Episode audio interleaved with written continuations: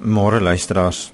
In Johannes 10 vers 10 sê Jesus: Ek het gekom sodat julle die lewe kan hê en dit in oorvloed. Nou Jesus het hierdie lewe kom demonstreer. Die lewe waarvan hy praat in die lewe in oorvloed is nie 'n buitensporige sensasionele spesiale groot besonderse lewe soos wat ons dit baie keer beleef of daaraan dink nie. Hy praat in die eerste plek van ons gewone gewone aardse lewe. So hy het ons gewone aardse lewe ingekom en hy het ons gewoonheid wou kom optel en 'n groter of 'n hoër of 'n dieper dimensie daarin kom gee.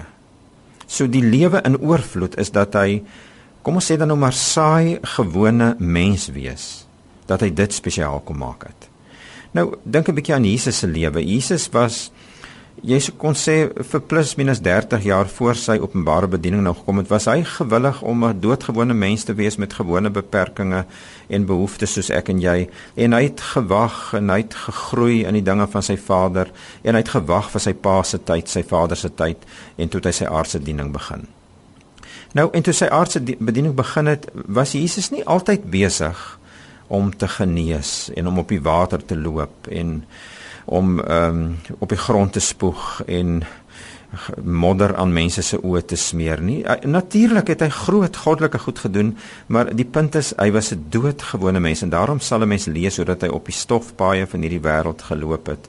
Die Bybel sê baie keer hy het aan tafel gesit en gekuier. Aan tafel sou beteken in vandag se tyd hy was by die gewone kuierplekke.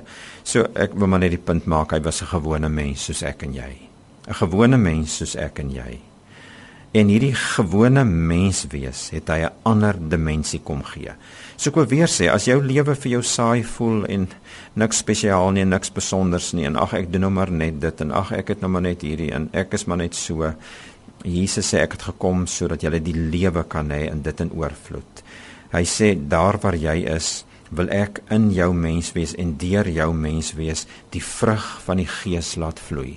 Die vrug van sy gees. Hy wil da in jou huis in jou vriendskappe by jou werk daar wil hy die vrug van sy gees deur jou sigbaar maak en jou lewe so spesiaal maak So as hy sê gaan die wêreld in, dan het hy nie letterlik bedoel gaan nie. Vir party mense kan hy letterlik sê gaan.